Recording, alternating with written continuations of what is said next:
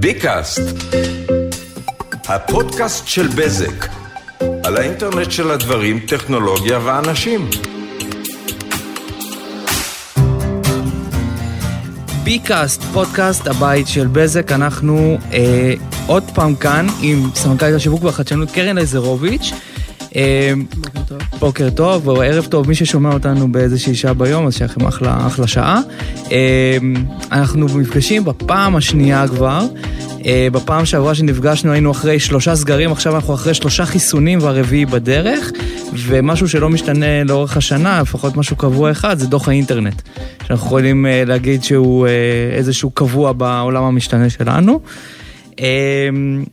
אה, קרן, את רוצה לספר לנו רגע מה, בשנה שעברה דיברנו על, אה, היינו במקום אחר, היינו אחרי אה, זעזועי קורונה, ועכשיו אנחנו מדברים על designing our digital life, או לנהל את החיים הדיגיטליים שלנו. מה זה אומר לנהל את החיים הדיגיטליים שלנו? מאז, אה, מאז שאנחנו עושים פה את דוח האינטרנט, כל שנה אנחנו תמיד רואים צמיחה, צמיחה בשעות אה, צפייה, צמיחה ב...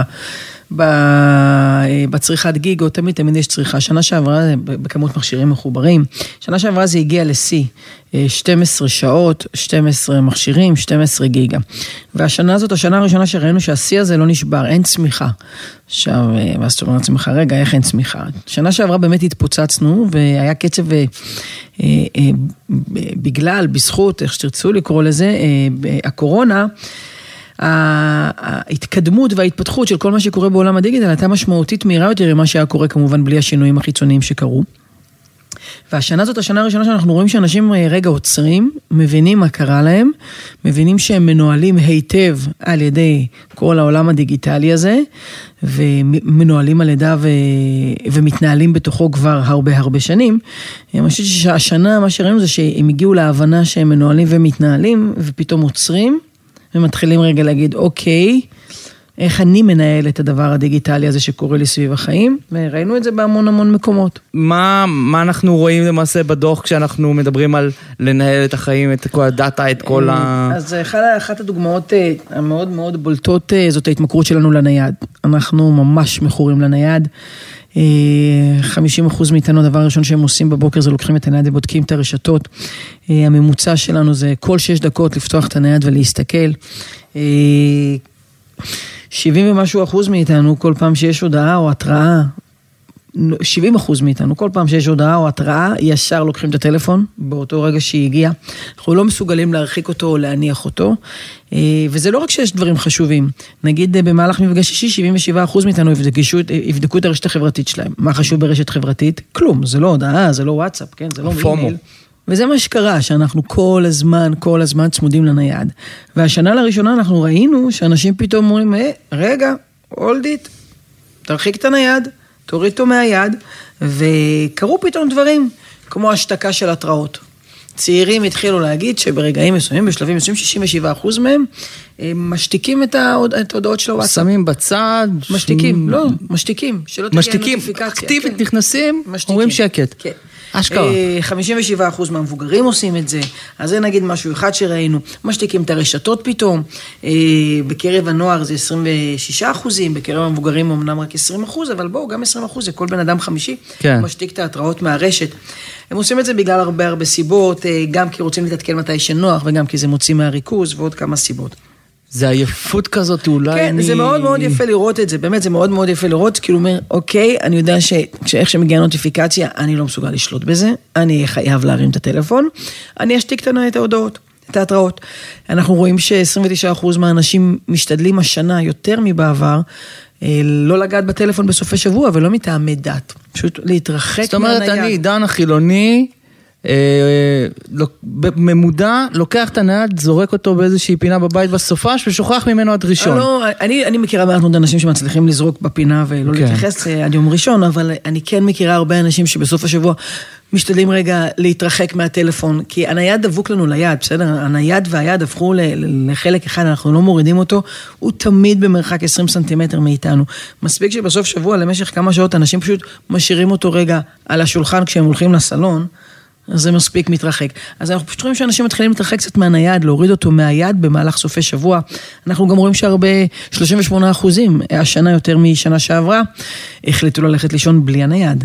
אה, בלי לשחק קנדי קראש לפני השינה, בלי זה, שמים אותו. כן, לא ידעתי שעדיין משחקים בקנדי קראש. לא, יש אנשים. משחק ישן כבר, אבל... באמת יש אנשים מכורים בינינו כנראה, שאני לא ביניהם, חלילה, מה פתאום, אני לא משחק בקנדי קראש בכלל. כן, אז כן, או קנדי קראש, או שאתה נכנסים למיטה עם הטלפון, ופתאום מאבדים תחושת זמן והם נמצאים באינסטגרם. גוללים בטיקטוק איזה שעה. בטיקטוק, אז אנשים פשוט הולכים לישון בלעדיו.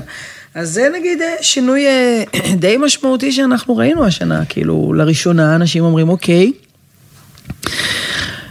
אני מורידה את הנייד מהיד, אני כאילו זה מפסיקה... זה גם הולך לילדים פתאום, זה פתאום הורים מתחילים להבין שרגע, אם בדוח, אני זוכר במקרה נתון מהדוח של השנה שעברה, יש לנו 12 שעות מול מסך. 12 שעות שהוא מנוסח זה גם הנתון הזה. הנתון הזה של השנה שהוא זה, אבל פתאום הורים הבינו שרגע, אני צריך לנהל לילדים שלי את הזמן מסך. אז, אז השנה באמת ראינו שיותר הורים, 75% מההורים אמרו שהם השנה יותר מבעבר, ניסו להגביל את הילדים שלהם לכל עולם המסכים. אממה, אממה, וזה קצת מבאס, הם לא תמיד מאוד צליחים. 49 אחוז מהם, אם אני לא טועה, לא הצליחו להגביל. הם ניסו, אבל הם לא הצליחו, ואנחנו באמת רואים שזה משמעותית מביא ל... ל... להג... שכשמצליחים להגביל, רואים שיש שינוי. זאת אומרת, נגיד, בקרב הורים שמצליחים להגביל, אז רק 20 אחוז או 21 אחוז מהילדים מבלים למעלה מחמש שעות מול המסך. חמש שעות. למעלה מחמש שעות. למעלה מחמש שעות. קטנים, כן, אנחנו אומרים ילדים קטנים. הרבה. כשהם מצליחים להגביל אז 20 אחוז עושים את זה, כשהם לא מצליחים אז חצי עושים את זה. אז, אז כן, אין ספק, זה קשה, הם מנסים להגביל, הם לא תמיד, הם לא תמיד מצליחים להגביל.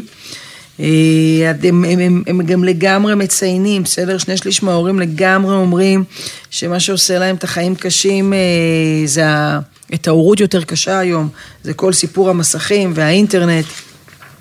הם אומרים שזה מקשה עליהם, הילדים שלהם מכורים למסכים, הם, הם מבינים את זה, הם מבינים אה, שהם צריכים לעשות מעשה, והם מנסים, הם לא תמיד מצליחים. אבל חשוב גם להגיד שבאותה נשימה, ההורים גם הבינו, ש... וזה לנהל את האירוע ממקום אחר, ההורים גם הבינו שהאינטרנט הוא כאן, והוא כאן להישאר, וכל הסיפור הזה מן הסתם אה, אה, פותח הזדמנויות חדשות, ואם פעם חלום של כל אם יהודייה היה שהילד יהיה רופא, אז היום החלום הוא ש... יעשה קריירה בהייטק. בהייטקס, מה שקוראים לזה עכשיו ב... כן, אז זה ממש פי שתיים כמעט, פי שתיים כמעט מהחלום שיהיה רופא זה שיהיה בהייטק. אז כן, אז גם החלומות של ההורים שלנו משתנים. הם גם אקטיביים בזה אגב, הם שולחים את הילדים לחוגים, 24% מהילדים נמצאים, 32% מהילדים נמצאים בחוגים, רבע מהילדים נמצאים באיזה מגמת מחשבים או סייבר, ההורים לגמרי שם. זה לא נורמלי, כאילו איך פתאום, זה פשוט, זה לא אי אפשר להגיד שזה התפוצץ, כנראה הייתה איזושהי מגמה שהובילה לזה, אבל... זה פשוט מטורף איך פתאום אנחנו משנים את כל התפיסה שלנו ושולחים את האנשים, את הילדים לחוגים ופתאום זה נהיה קייטנת הייטק וזה נהיה ממש קטע, אבל מצד שני, אנחנו מדברים על להגביל מסכים, לכבות התראות, לשלוח את, הט... את הטלפון לאיזה פינה חשוכה בחדר בלילה, ומצד שני, וואטסאפ קורסת, ואנחנו מאבדים את זה לגמרי. כן. אנחנו הולכים לאיבוד בתוך ה... זה, מה, מה, מה, אני חושב שבדקנו את זה בדוח הזה, ומה קורה בזה, אני חושב כן, שהתוצאות היו אה, לא נורמליות ב, כן. ברמה... בדקנו מה קורה אה, לילדים אה, ולמבוגרים, אה, מה קרה להם כשהוואטסאפ אה, קרס והרש, והרשתות. אז כן, אז בגדול התחושות הן אה, מאוד מאוד מאוד מאוד קשות. כמובן שהתחושה העיקרית הייתה שעמום, קודם כל חשוב להגיד רגע שבני נוער לקחו את זה הרבה יותר קשה מהמבוגרים, אבל גם המבוגרים זה הציק להם. אז כמובן שיש שעמום וחוסר סבלנות באחוזים מאוד מאוד גבוהים, אבל משהו מאוד מאוד מפתיע שבעיניי כאילו, זה ש-15% מהנוער הרגיש תחושות של כעס, הוא כעס על האירוע הזה. ושמונה אחוז... כעס, משהו כאילו, זה, כעס זה משהו מאוד... לא, זה מוזר להגיד רגשי, אבל זה מאוד, זה רגש מאוד גדול, זה כעס אני מרגיש כלפי חבר, כלפי אימא, כלפי אבא, כלפי רשת חברתית. בסוף אנחנו, כן. איזושהי אפליק, אפליקציה.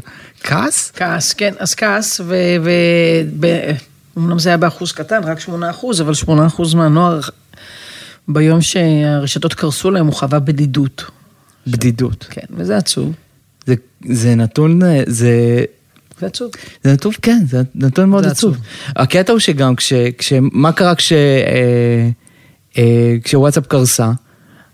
אנחנו תקשרנו, אנחנו בחרנו מה לעשות? אנחנו לא בחרנו בגדול, אנחנו החלטנו...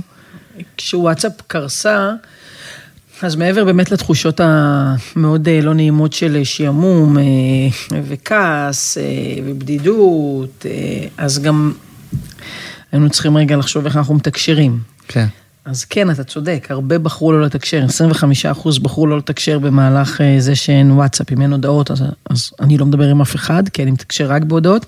35% אמרו, טוב, אני מתקשרת רק בהודעות, אז אני אעבור להודעות וואטסאפ. כאילו 60% מה, מהאנשים, כאילו אם אין, וואטסאפ הוא האופן התקשרות, אם אין וואטסאפ אז או שלא מתקשרים או ששולחים הודעת טקסט רגילה, כמו פעם. שזה לא הפעם היחידה, זה לא רק וואטסאפ קרסה, זאת אומרת, הייתה את הקריסה של וואטסאפ, אבל הייתה קריסה טוטאלית של כל הרשתות החברתיות שקשורות לחברת מטא, פייסבוק, אינסטגרם, וואטסאפ, בצורה טוטאלית, זאת אומרת, היו איזה 6 שעות אצלנו ו-12 שעות אה, ברחבי העולם, ש... outage לגמרי. כן. לא היה לנו קשר עם העולם החיצון, שזה האפליקציות העיקריות שבהן אנחנו מדברים. כן. ש, שכל מה שאנחנו מדברים עכשיו זה תקף גם לכאן. זאת אומרת, כל הרגשות, הכעס, הבדידות. כן, כן. אז תקף גם לא outage הזה, זה לא רק וואטסאפ. ב- לא, ב- לא, הדבר. היחיד שקשור לוואטסאפ זה ההודעות וה... כן. בזה. נדבר רגע על משהו שאני אוהב, שופינג. מה, היו, היו אה, תמורות בשופינג בין הדוח הקודם לדוח הנוכחי. אה, כן, תראה, אותו אחוז קנה אונליין, בסדר? שנה שעברה קנו 90, השנה 91, אותו אחוז קנה אונליין. מה שכן, אה, מהרגע שפתחו את החנויות, אז אה, קרוב ל-40 אחוז העדיפו לצאת לחנויות ולקנות פיזית. אה, ממגוון סיבות, כמובן הסיבה העיקרית זה להרגיש את המוצרים והחוויה, וזה סך הכל כיף ללכת לחנות בגדים ולמדוד גם את הדברים, אה, או לסופר פארם ולהרגיש שזו חוויית אה, קנייה מאוד כיפית. אז הרוב עשו את זה בגלל החוויה, ובסך הכל 40 אחוז בחרו לצאת לחנויות. אז אתה אומר, רגע, אבל אותו 90 אחוז קנו גם, גם אונליין, אז איך זה קרה? אז פשוט אותו אחוז קנה אונליין, הוא פשוט קנה קצת פחות. 70 אחוז קנו פחות, או לא יותר משנה שעברה, ובחרו לעשות את זה בחוץ. זאת אומרת, לא, לא, לא העצמנו את אה, חוויית הקנייה האונליין, יכול להיות שגם שם הגענו לאיזשהו edge מסוים, שכאילו, אוקיי, הגענו לטופ של הטופ, אבל עכשיו אנחנו גם ממשיכים באותה, באותו קצב, אבל גם הולכים ל, אה, לחנות עצמה, להרגיש את האקמול שאני קונה לכאב ראש, או להרגיש את הבגד. אבל גם... טוב, שאתה לוקח כדור יותר חזק. אני- לא לוקח. כדורים, אבל באופן כללי, אבל אה, נגיד, אה, אה, אבל גם אה, מה שאנחנו רוכשים ברשת, זה כבר לא להיכנס לאסוס רגע ולהריץ איזה קניית ואנס או משהו כזה, זה כבר משהו יותר גדול. אנחנו כבר קונים דברים יותר גדולים. רכב, למשל, אני ראיתי בדוח שיש אשכרה נתון על קניית רכב. כן, האמת שאחד הדברים שראינו מאוד יפה, נגיד טויוטה השיקה בעולם אה, תוכנית אה, רכישת אונליין לרכב, שכוללת אגב אה, תיאום נסיעת מבחן ותיאום אה, הלוואה עם אשראי כזה או אחר. אז כן, אז גם בארץ ראינו באמת שכמעט רבע אומרים שזה נראה להם לגיטימי לגמרי לקנות רכב אונליין. וחלק גדול מהם כבר בדק ובדק את האפשרות הזו. זה כן, מטורף, זה גם מעורבות גבוהה במוצר, זה משהו שאני חייב ללכת לבדוק, אני רוצה לבחור את הצבע, אני רוצה... אתה יכול לבחור את ה- אותו אונליין, אתה יודע. אני יכול, אני, אני גם לא בחנות אין תמיד את אני כל לא הצבעים. מרגיש את ההילוכים, אני לא מרגיש את ההגה, אני לא מרגיש את החומר, אבל אני מתאם את הכל מאלף ועד תו. טסלה דוגמה מצוינת לדבר הזה, לאיך אני מתאם את הדבר הזה מאלף, מ- מ- מבחירת הצבע דרך המושבים ועד הרכישה עצמה. אבל זה לא נורמלי, לקנות רכב 25 אחוז, אומרים, כן, נראה לי הגיוני לגמרי, לא, עכשיו אה, לעשות קליק קליק קליק ו-120 אלף שקל הולך על אה, רכב, כך או אחרת. כן. זה נתון לא, לא, לא נתפס בעיניי. זה משהו שאם היו מדברים נגיד ב-2015, להגיד, עידן בוא תקנה רכב באינטרנט כזה, מה? התפלפתם לגמרי. אה, בואו נמשיך לדברים שאנחנו לא רק קונים, אלא לאיך אנחנו מממנים את כל הדבר הזה. העבודה שלנו. איך אנחנו עובדים עכשיו, אנחנו אחרי שנה של עבודה היברידית מהבית. מה, אנחנו, מה התפיסות שלנו לגבי הדבר הזה? אז אה, כמה דברים. קודם כל באופן לא מפתיע, למדנו לאזן, ואם שנה שעברה כששאלנו את השאלה הזאת, אז אה, קצת פחות משליש אמרו שהם יודעים לאזן בין עבודה לבית, אה, בין לעבוד בבית ולחיות את החיים בתוך הבית, אז היום כבר יותר מחצי מהאנשים יודעים להגיד שזה באמת, אה, הם למדו לאזן, 53 אחוזים. אז זה קודם כל משמח, כאילו זה גם לא מפתיע, כי צברנו ניסיון, השתפרנו.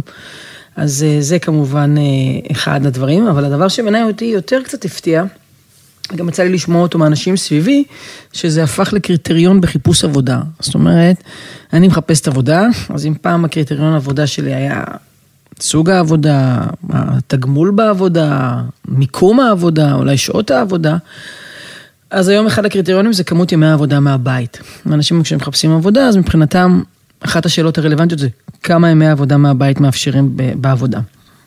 ו-84% אמרו שזה מבחינתם זה קריטריון אחד קריטריון חשוב כאילו, בבחירת עבודה. אה, יושב להם ב-work-life balance הדבר הזה. לא יודעת אם זה work-life balance, אבל מבחינתם, אני מניחה שגם יש שם הרבה אנשים שאתה יודע, אה, אה, אני מניחה שגם אולי בלי משפחות עדיין, וזה, זה, זה פשוט הפך להיות סטנדרט, שיום יומיים בשבוע עובדים מהבית, ואם העבודה לא מאפשרת לי את זה, אז לא בטוח שאני רוצה לעבוד שם. וזה פשוט מה שקורה. זה כאילו לפני משכורת, לפני זה. לא יודעת אם לפני, אבל זה יושב כאילו, שם יחד. אוקיי, וזה אומר שגם אם אני עובד מהבית, זה אומר שאני יכול לגור איפה שבא לי. כן. בגדול. נכון. ומה, ורואים בדוח שבאמת אנשים נכון, מהגרים להם. כן, שמשהו כמו כבר כמעט 15, קרוב ל-15 אחוז כבר שינו מיקום מגורים אה, בגלל אה, אפשרויות העבודה מהבית, כי אם אתה יכול לעבוד מהבית, אז אולי באמת לא צריך לגור כל כך קרוב אה, למשרד בתל אביב, ואפשר קצת להתרחק. אז כן, הרבה הרבה חושבים את זה, וחלק כבר עשו את זה. זה, זה כאילו עכשיו, אני עידן, אנחנו, בזק עובד בחולון, יש לי איזה יום, יומיים עבודה מהבית כרגע, בואו אל בזק. אה, אני עכשיו, באמת, אני יכול להגיד לעצמי, שאני ואשתי עכשיו, בכיף יכולים להחליט שאנחנו עוברים להוד השרון, ואפילו בדקנו אה, את אזור הצפון וזה, כי באמת אנחנו יכולים לאפשר לעצמנו את הפעמיים כן, הזה. כי שלושה ימים נוסע לעבודה. כי זה לא פונקציה מבחינתנו, רכב אחד אנחנו עדיין מתנהלים לילדים, אז כאילו זה באמת הפך איזשהו אה, משהו אחר. אכן.